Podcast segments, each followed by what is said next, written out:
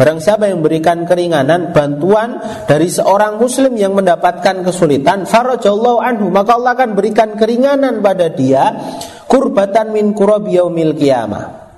Berkenaan dengan kesusahan dia pada hari kiamat. Di hari kiamat punika sini namun susah, Pak. Hatta sampai orang yang paling soleh sekalipun. Kesusahannya apa? Dia menyesal tentang amal yang tidak maksimal di dunia. Nopo melih tiang-tiang ingkang nopo ling ibadah punika mboten tenanan. Dia akan lebih mendapatkan kesusahan di sana. Menawi wonten ing kehidupan dunia punika dia mendap, mempunyai investasi dalam bentuk farju kurbati muslim. Dia punika meringankan beban saudara muslim yang lain. Allah akan berikan apa kemudahan pada dia besok pada hari kiamat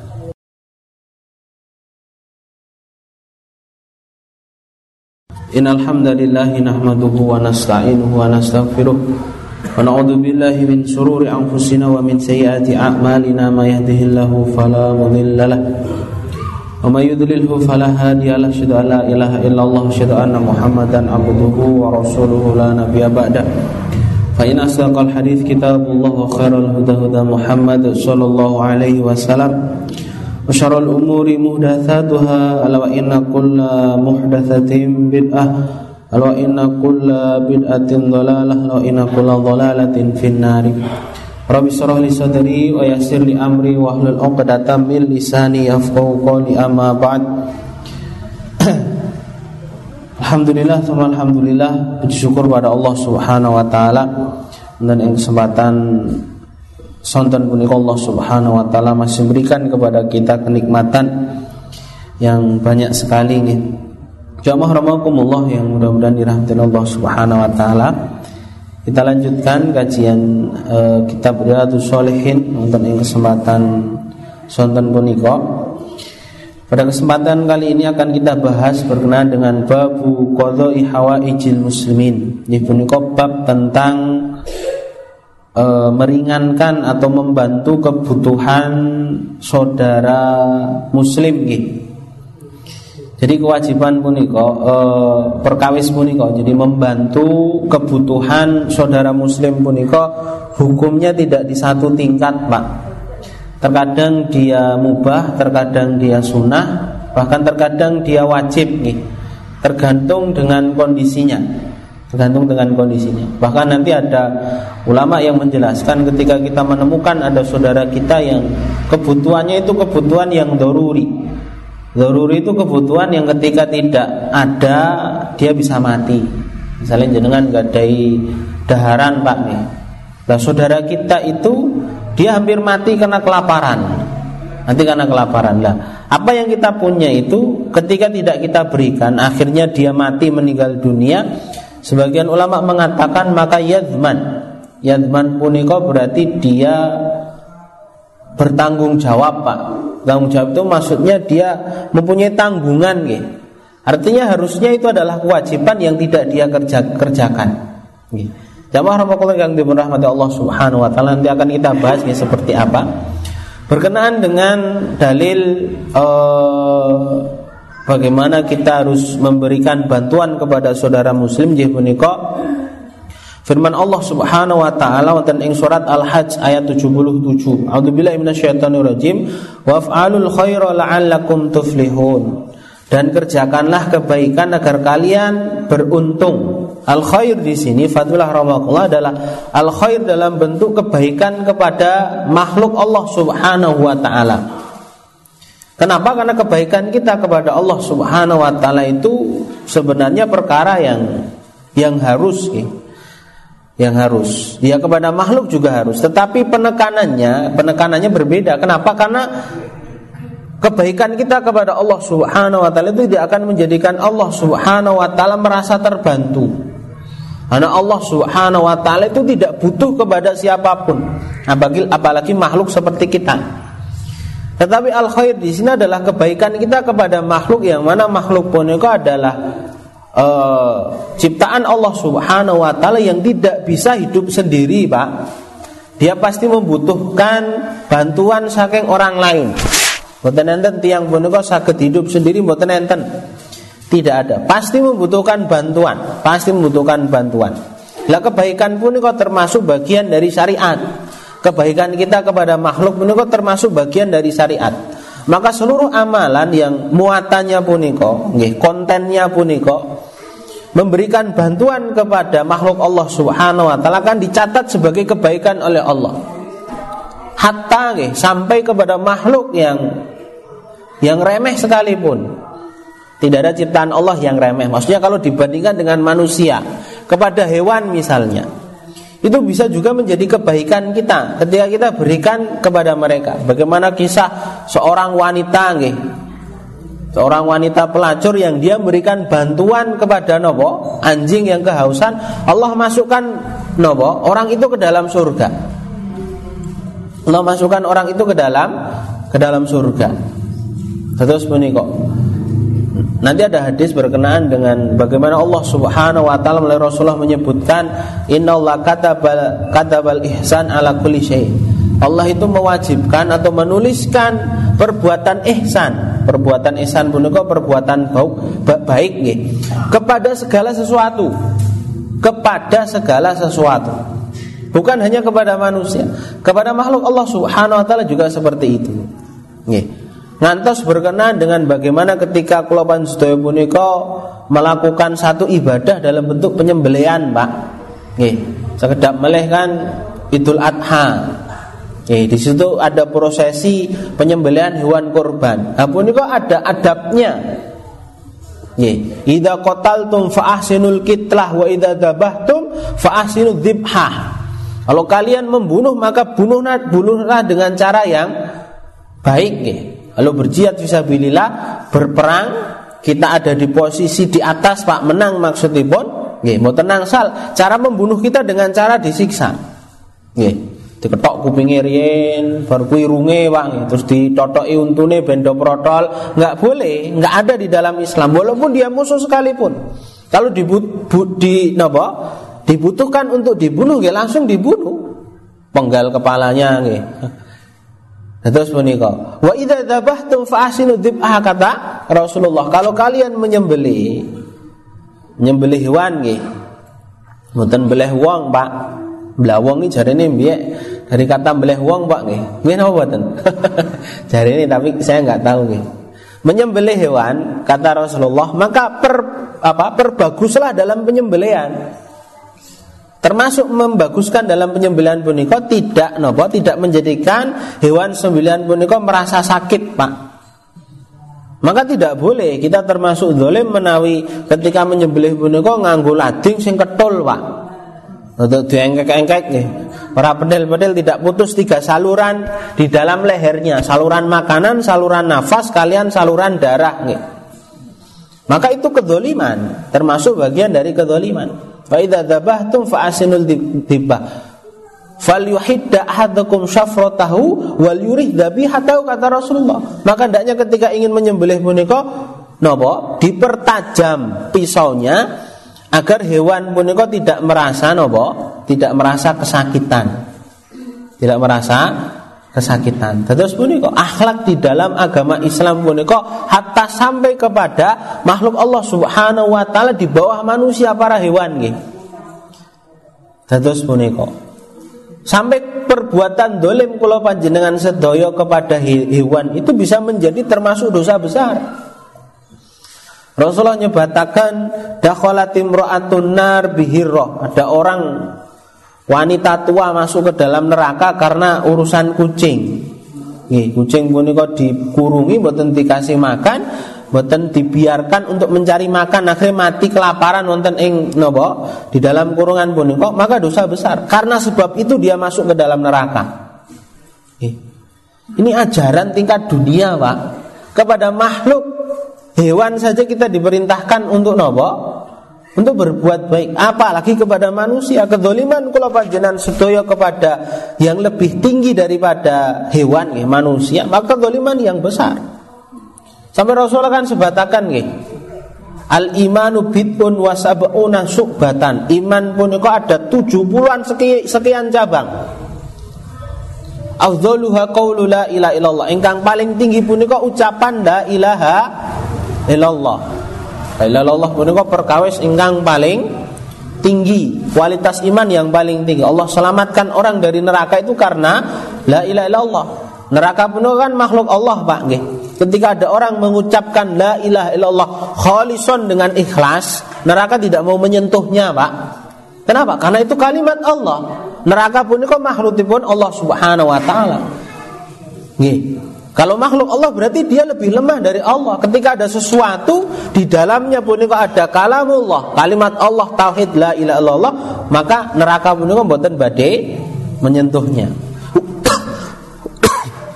wa adnaha qaulu la wa adnaha imatatul adza anit tariq. Enggang paling rendah iman punika nggih punika menyingkirkan sesuatu dari jalan. Jenengan mangertosi tendalan enten watu, enten kerikil, enten duri nggih. Sesuatu yang menghalangi itu dihilangkan termasuk bagian dari nopo iman. Nah ini kan pelajaran tentang bagaimana kita berakhlak kepada orang lain.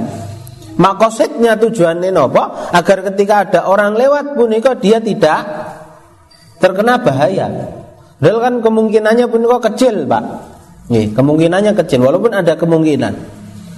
Sampai Umar bin Khattab nate ketika beliau menjadi khalifah beliau mengatakan la dzanantu anallaha yuhasibuni. Sungguh saya meyakini Allah itu akan menghisapku nggih. Idza inzala himar.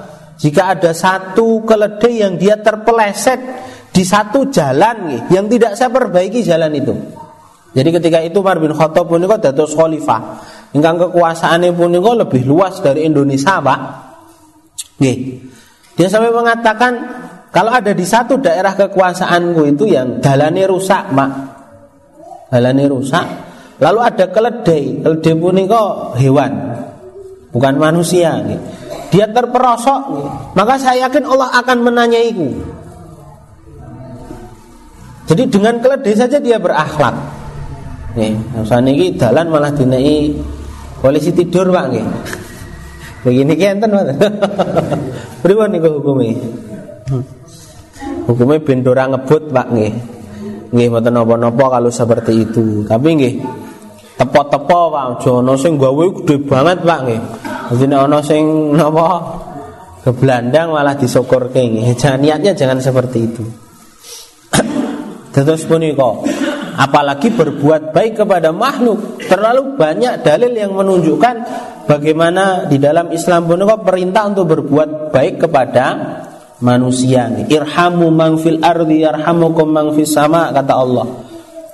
Rahmatilah, berilah kasih sayang kepada penduduk bumi, maka Allah akan berikan kasih sayang kepada kalian.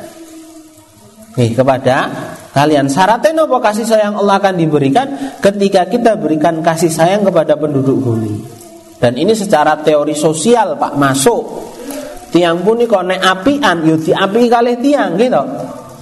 Tapi tiang pun kok nek nopo ora apian ora gapian Pak nggih. Dirurui malah merengut Pak yo tutup ringuti karo wong. Kan seperti itu. Artinya apa? Irhamu mang fil ardi yarhamukum mang fis sama seperti itu. Ketika orang baik maka orang lain akan baik. Allah akan bukakan hati orang-orang lain untuk memberikan apa kasih sayang kepada dia. Terus punika. pun, enten hadis punika ingkang dipun riwayataken saking Ibnu Umar radhiyallahu anhuma bila Rasulullah sallallahu alaihi wasallam nggih ngendika bersabda al muslimu akhul muslim la yadlimuhu wa la yuslimuhu Muslim dengan muslim yang lain itu mereka bersaudara. Artinya seorang muslim itu saudara muslim yang lain. La yadlimuhu wa la yuslim. mereka tidak saling berbuat dolim. Mangkana fi hajati akhi kana Allah fi hajatihi. Kalau ada orang itu dia meringankan beban saudara muslim yang lain, maka Allah akan meringankan beban orang tadi. Punika janji Allah, Pak.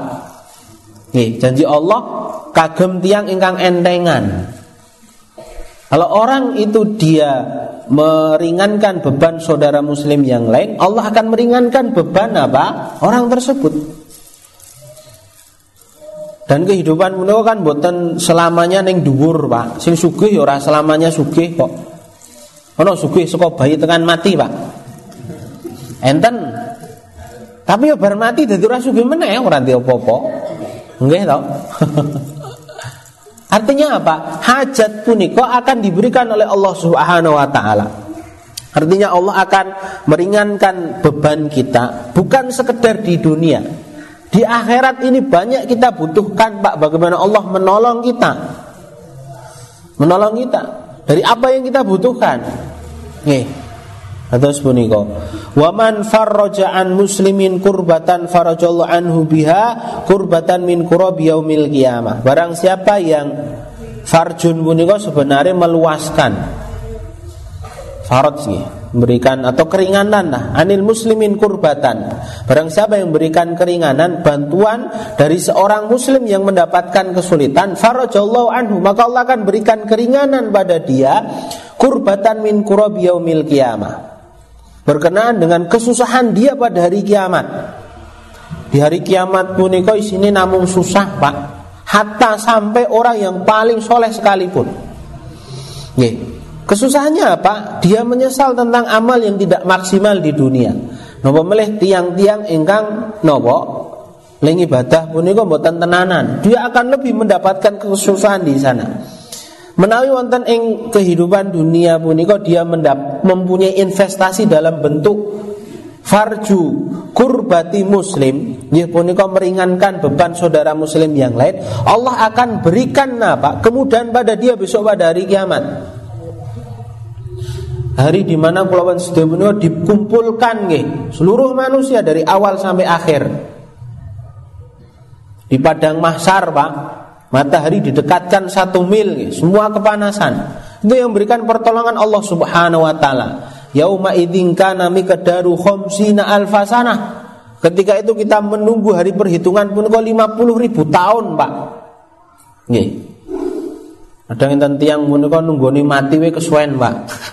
Kemarin ada orang pal paling tua nggih. Saya baca berita menika umure 135. Ketika ditanya permintaannya, pengennya gue pengen mati pak, jelek urip nih. Karena kesuwen le, le urip nih. Kalau kita kan pengen orang mati-mati pak nih. Terus punika Khomsina alfasanah 50 ribu tahun nih. 50 ribu tahun. Nah kita ini umurnya Baina Sitin wasabain antara 60 dan 70 sana tua banget pak Sing tua dilokke tua ora gelem Bang, padahal ya wis ketok tua. Jadi seperti itu. Fatul rahmatullahi yang dirahmati Allah Subhanahu wa taala dados uh, membantu beban atau kesusahan saudara muslim yang lain ini merupakan investasi akhirat. Waman satara musliman satarallahu yaumal qiyamah dan barang siapa yang menutup aib saudara muslim yang lain Allah akan menutup aib dia pada hari kiamat. Aib kula panjenengan punika kathah sangat, Pak. Dosa yang kita perbuat punika banyak. Dosa dalam bentuk dolum atau dosa dalam bentuk jahul. Dosa itu kan ada dua. Dosa karena kita sengaja atau dosa karena kita tidak tahu itu perbuatan dosa akhirnya kita kerjakan. Allah sebatakan wonten ing surat uh, Al-Ahzab nih Innahu kana dhuluman jahula. Ketika manusia itu diberikan syariat mereka mau kata Allah disifati dhuluman jahula. Dhuluman punika kasratu dzulum. Artinya dzulum yang banyak. Banyak dosa ingkang kula sedaya punika tindakaken dengan sengaja. Sampun ngertos punika perkawis ingkang dosa. Kita kerjakan. Nggih. Wajahula dan banyak dosa yang kita kerjakan karena ketidaksengajaan. Artosipun pun apa? Kita tidak tahu itu dosa dan ini juga banyak. Karena yang mensifati seperti itu Allah Subhanahu wa taala. Nantos enten salaf ingkang nyebataken seandainya dosa punika berbau tidak ada orang ingkang kuat untuk berdekatan dengan kita. Maka tertutupinya aib kula panjenengan sedaya, tertutupinya dosa kula panjenengan sedaya itu merupakan sebuah kebaikan. Dan salah satu makna dari istighfar punika ngoten niku, Pak. Kalimat istighfar astagfirullahaladzim gitu. Itu diambil dari kata mighfar. Mighfar punika penutup kepala dan pelindung. Terus helm ingkang dipun dipakai oleh orang dulu sebagai pelindung ketika berperang. entah dari besi atau dari rantai nggih. Tapi dia punya dua fungsi, menutup dan melindungi. Menutup dan melindungi. Benten kalih topi, benten kalih peci nggih. Itu tidak termasuk dari mikfar kalau dalam bahasa Arab. Nih, istighfar juga seperti itu ketika kita meminta ampun kepada Allah Subhanahu wa taala, dua yang kita minta agar Allah menutupi dosa-dosa kita. Nih, agar tidak terlihat oleh orang lain karena dosa itu aib. Yang kedua agar Allah Subhanahu wa taala melindungi kita. Nih. Karena istighfar menika dipun ucapaken hajatnya yang paling kita butuhkan ketika nopo? Setelah melakukan dosa. Dan kita tahu dosa pun itu mengundang nopo pak? Bencana mengundang azab dari Allah Subhanahu wa taala. Tuh sebetulnya menawi maksiat pun itu ngundang dus, ngundang nopo? Bencana pak Oke, percaya bukan percaya memang seperti itu teorinya. Ma'asobabi musibatin ila bima kasabat aidinas. Apa yang terjadi dalam bentuk musibah di dunia ini? Yo karena perbuatan maksiat manusia. Allah sebatakan bagaimana Allah Subhanahu wa taala menghancurkan umat-umat dahulu, Samud, Ad, nggih. Itu karena dosa yang mereka perbuat. Terus menawi enten berbuat tian berbuat dosa kok kehidupannya baik-baik saja pun hanya perasaan. Nih. Sebenarnya dia tidak baik-baik saja. Cepat atau lambat musibah itu akan menimpa dia. Cepat atau lambat musibah itu akan menimpa dia. Lah istighfar kok jamaah rahimakumullah Fungsinya ada dua sebagian ulama menjelaskan punika nopo agar Allah menutup dosa-dosa kita. Yang kedua Allah agar Allah melindungi kita dari dampak buruk dosa yang kita kerjakan. Terus punika. Hatulah rahmatullah yang dipun rahmati Allah Subhanahu wa taala maka menutup aib saudara muslim itu termasuk bagian dari syariat. Jangan bangga menjadi orang yang e, mudah membicarakan aib saudara muslim yang lain. Lebih baik melihat aib diri kita lalu diperbaiki. Kecuali nanti dalam pembahasan yang melakukan dosa mujaharah nggih. Terus atas pertemuan pun orang yang berbuat dosa tapi dia sudah bangga dengan dosanya bahkan disebarkan ya. Nah, menawi seperti ini boleh untuk dibicarakan ke orang lain dalam rangka untuk ingdar agar orang lain pun dia bisa berhati-hati dari dampak buruk maksiat yang dia kerjakan. Selanjutnya pun hadis saking Abu Hurairah radhiyallahu anhu saking Nabi sallallahu alaihi wasallam bila Rasulullah sallallahu alaihi wasallam punika bersabda, "Man nafasa an mu'minin kurbatan min kurabid dunya, nafasallahu anhu kurbatan min kurabi yaumil qiyamah." Barang siapa yang meringankan beban nggih dari saudara mukmin yang lain di dunia ini, maka Allah akan meringankan beban dia besok pada hari kiamat. Waman yassara ala mu'sirin. Dan barang siapa yang memberikan bantuan kepada orang yang sedang kesusahan, yassarallahu alaihi fid dunya wal akhirah. Allah akan ringankan dia di dunia dan di akhirat.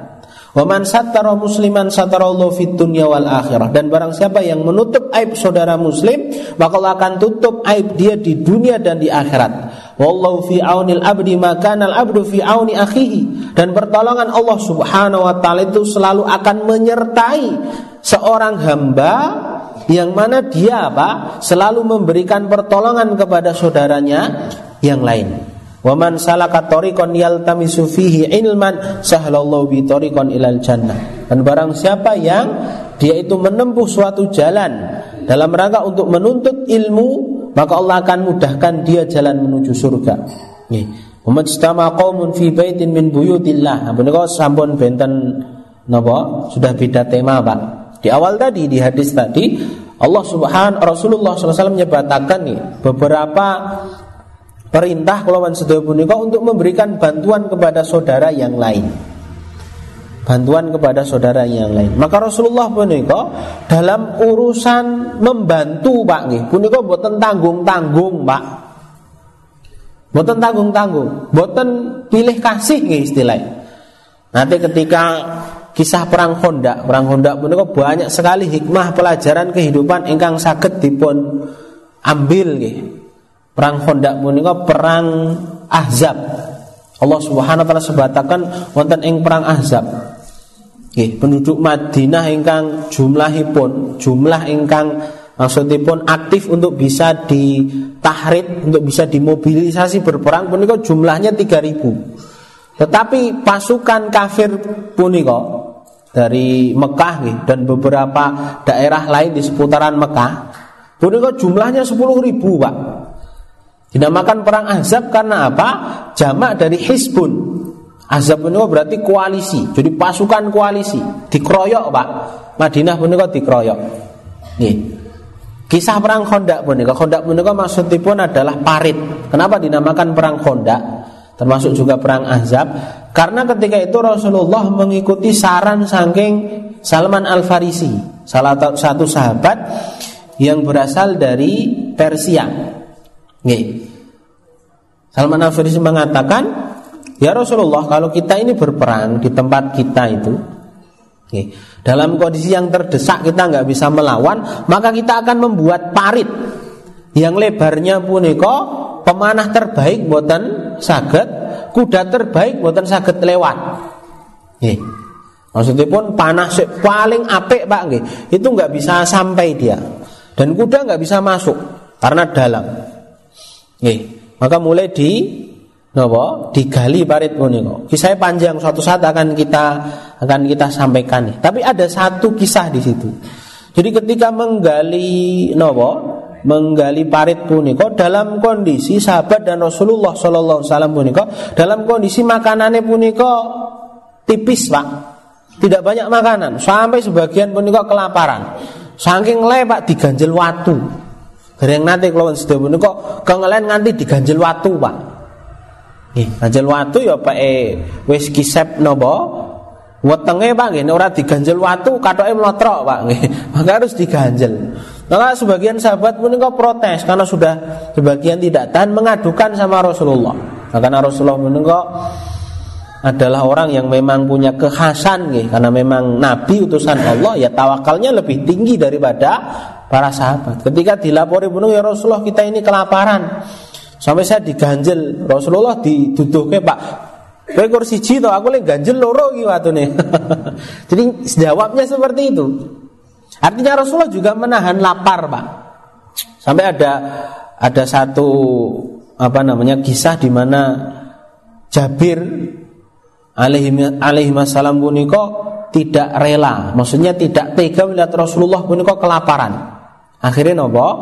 Akhirnya istri Jabril pun juga berinisiatif untuk menyembelih kambing. Menyembelih kambing dan meminta kepada Jabir. Jabir itu akan memanggil Rasulullah untuk ikut makan, untuk makan di rumahnya. Tapi dijanjeni kalian sinten?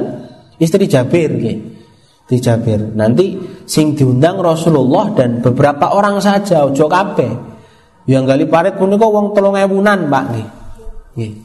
Wedhus siji wong tolong ewu ya ora nggih. Jadi nanti beberapa orang saja yang sahabat dekat Rasulullah lah Abu Bakar, Umar gitu.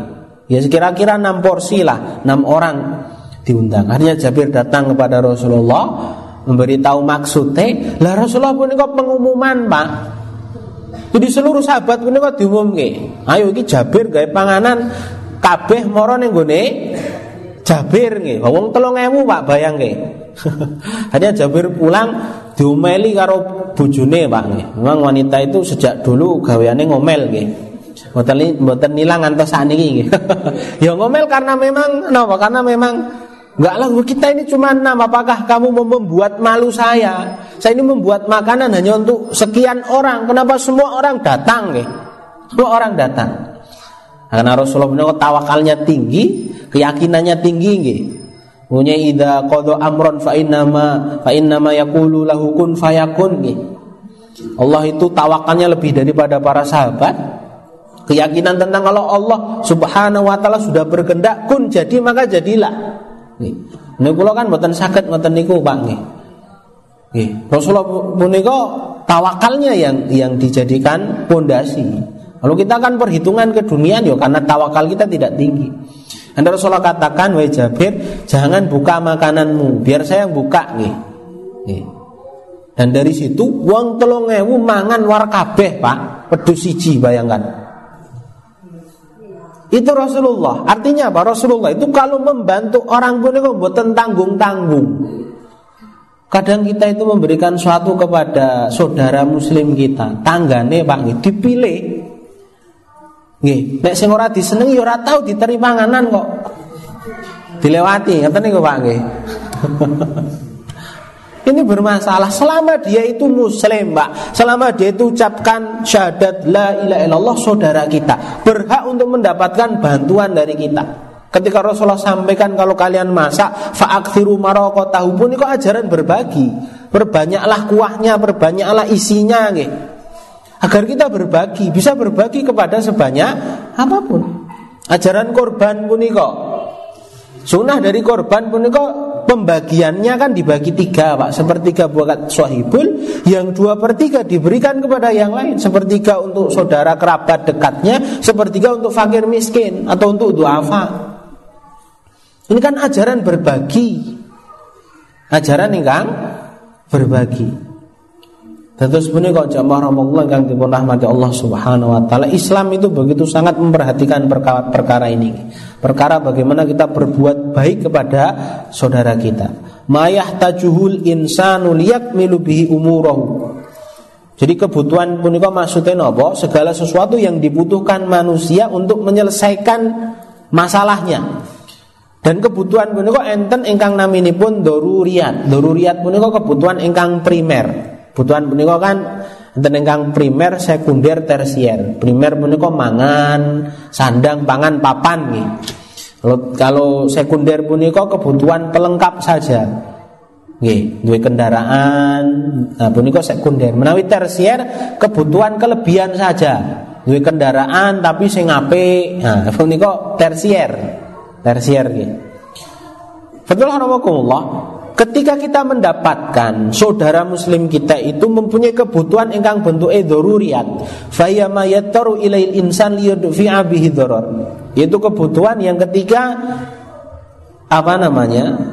tidak bisa dicukupi bisa membahayakan dia. Wadaf udarurat wajibun Jelasan saya Utsaimin. Maka kita memberikan bantuan kepada saudara kita yang seperti itu hukumnya wajib, Pak. Hukumnya wajib. Hukumnya wajib. Fa in yajib 'alal insan idza ra'a akhahu fi darurah ayat fa daruratahu fa idza ra'ahu fi darurah ila ta'am aw ila syarab aw ila tadafwa aw ila tabaruda wajib ali ay yaqdi hajatu wa wajib ali ay yazila darurata wa yarfa. Nggih.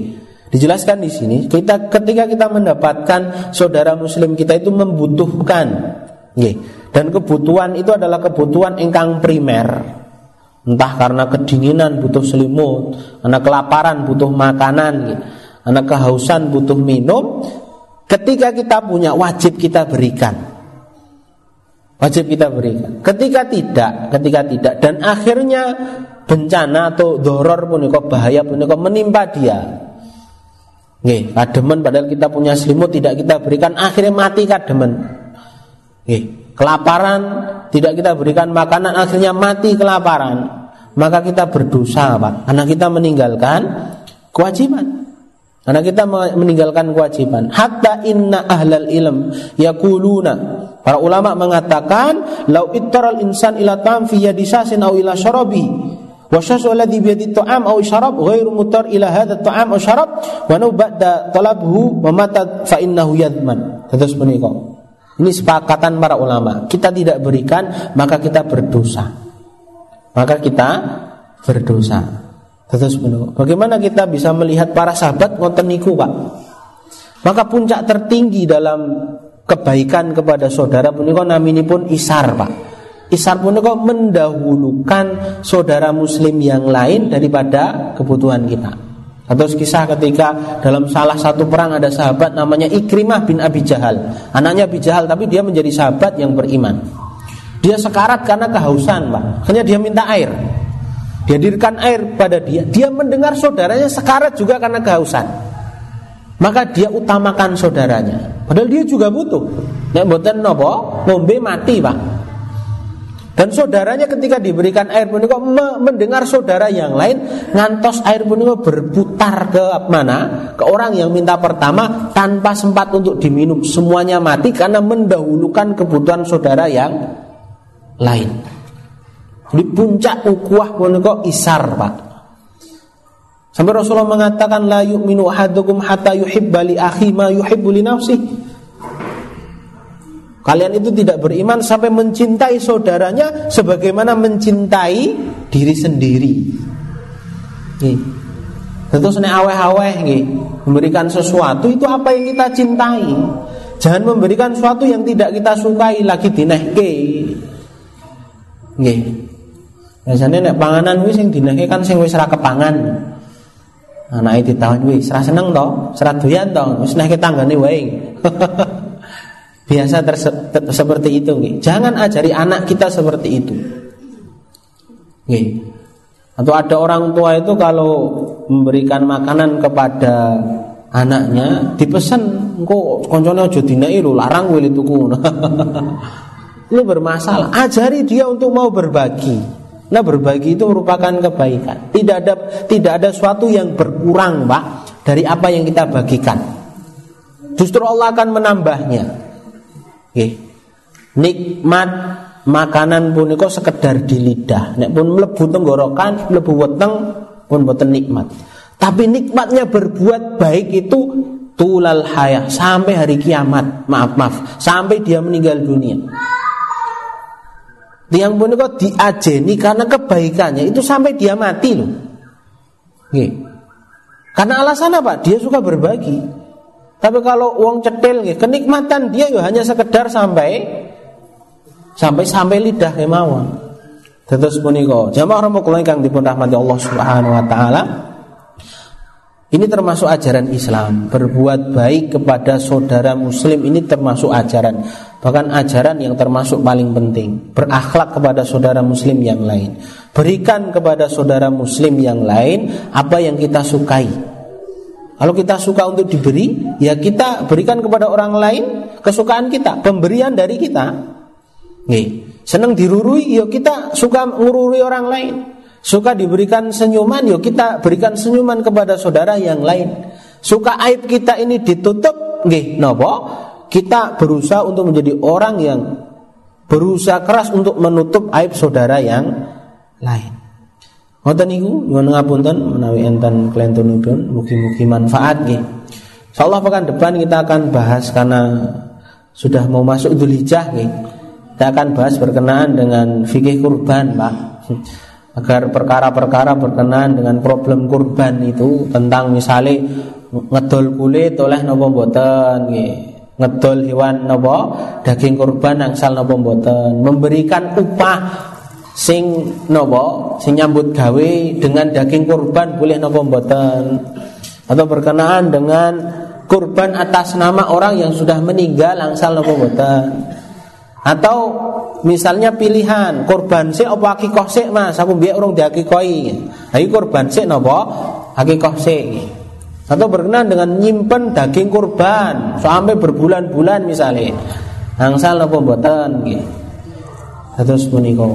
Atau misalnya membisniskan hewan kurban jadi panitia golek hewan nih, terus mau golek badi di situ boleh apa enggak? Nah, nanti kita bahas seperti apa. Banyak nanti permasalahan tentang itu. Ngoten niku? Nuwun ngapunten enten kelentunipun. Enten pertanyaan? Ada, nggih.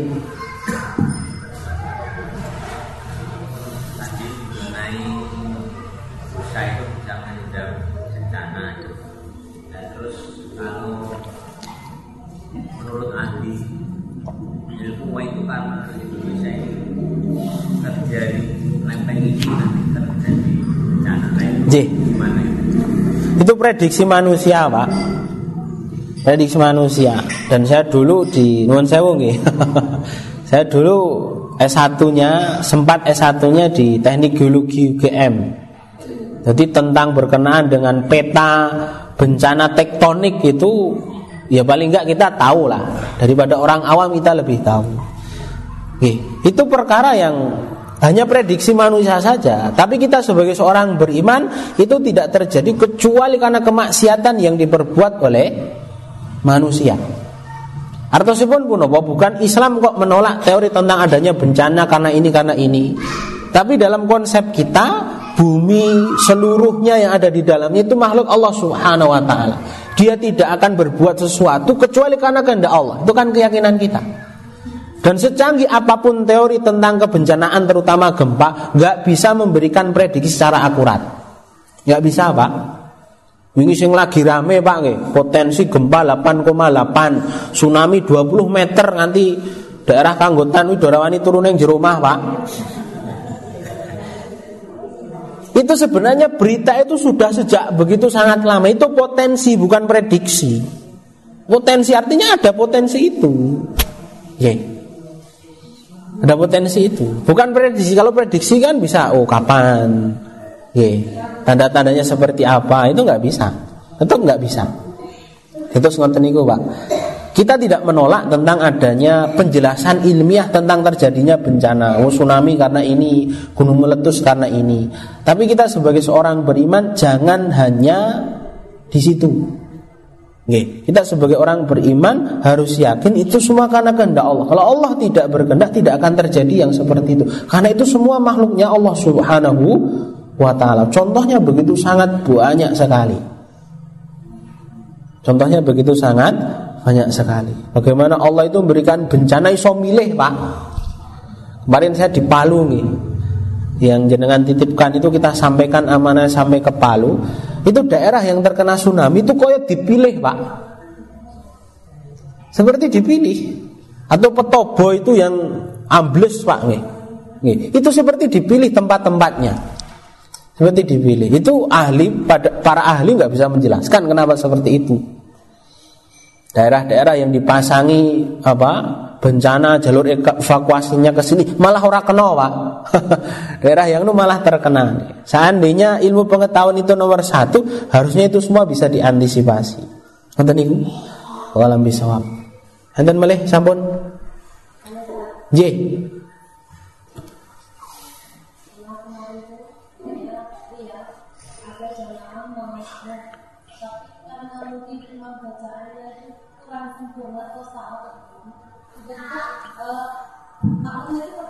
Yeah. Terus yang jadi karena mungkin dia paham dengan apa yang dibaca mungkin jadi rasa rasa kehadiran untuk mengikuti iman yang baik? Yeah. Itu secara fikih bisa dibenarkan tapi secara akhlak bermasalah dia. Yeah. Memang ada dalil yang mengatakan ya ummu ahadukum ya jadi yang diangkat menjadi imam itu afqahu fiddin orang yang paling fakih agama. Kalau tidak ada akra'uhum kitaban yang paling banyak hafalannya dan paling bagus suaranya. Kalau tidak ada akbaruhum sinan yang paling tua.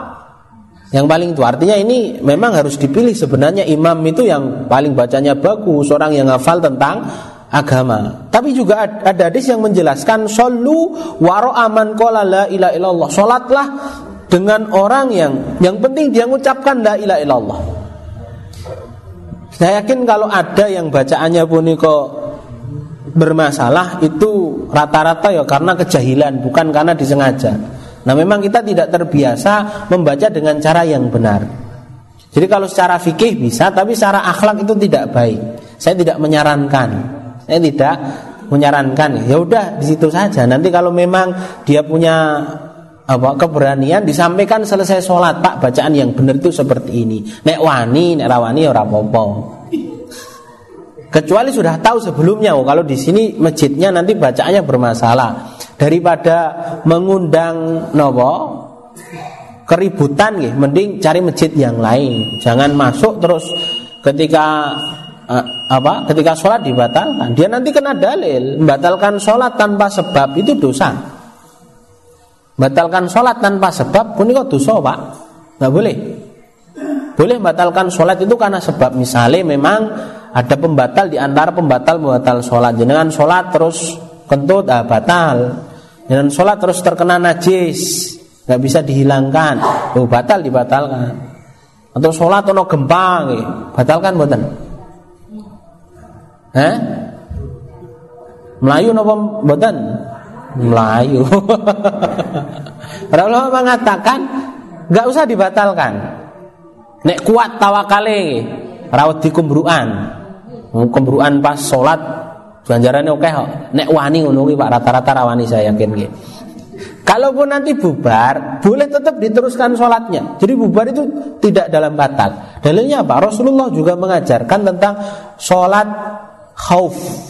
Sholat khauf itu sholat dengan gerakan-gerakan yang tidak sesuai dengan sholat biasa. Tapi tetap sah sholatnya. Dalam kondisi ketakutan. Khauf kan perang. Bukan sekedar gempa, perang nih. Terus. Ngoten niku Bu. Jadi kalau saran saya kalau kita dapatkan ya sudah di dalam sholat ya ampun dibatalkan. Selesaikan saja. Kalau memang kita sudah tahu nih jangan di situ. Kalau belum tahu kita sudah masuk sholat jangan. Nanti akan bisa menimbulkan napa fitnah. Fitnah. Ngoten niku. Allah lam bisawab. Sampun nggih, sampun ngisa mugi. Nggih.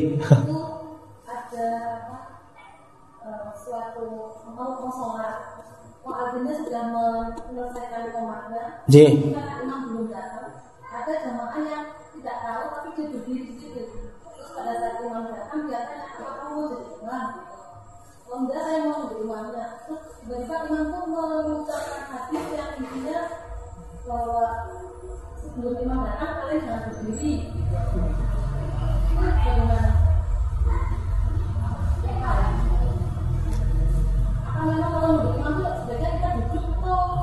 Wih duduk nunggu imam. Nggih. Ya, komat itu kan harusnya ketika imam sudah ready. Bukan imam yang memanggil bukan ikomah yang memanggil imam, tapi imam yang memanggil ikomah harusnya. Maka sebenarnya imam maju dulu baru ikomah. Tapi biasanya kan boten kalau kita. Ikomah baru imam dulu maju. Kadang rano imame jorok-jorokan Pak. Ya harus nunggu imam, harus nunggu imam. Duduklah. Ya duduk. Mboten niku nggih. Kalau akan pekan depan mungkin-mungkin manfaat. Kita tutup kanthi wasan doa kafaratul majlis. Subhanakallah wa Assalamualaikum warahmatullahi wabarakatuh.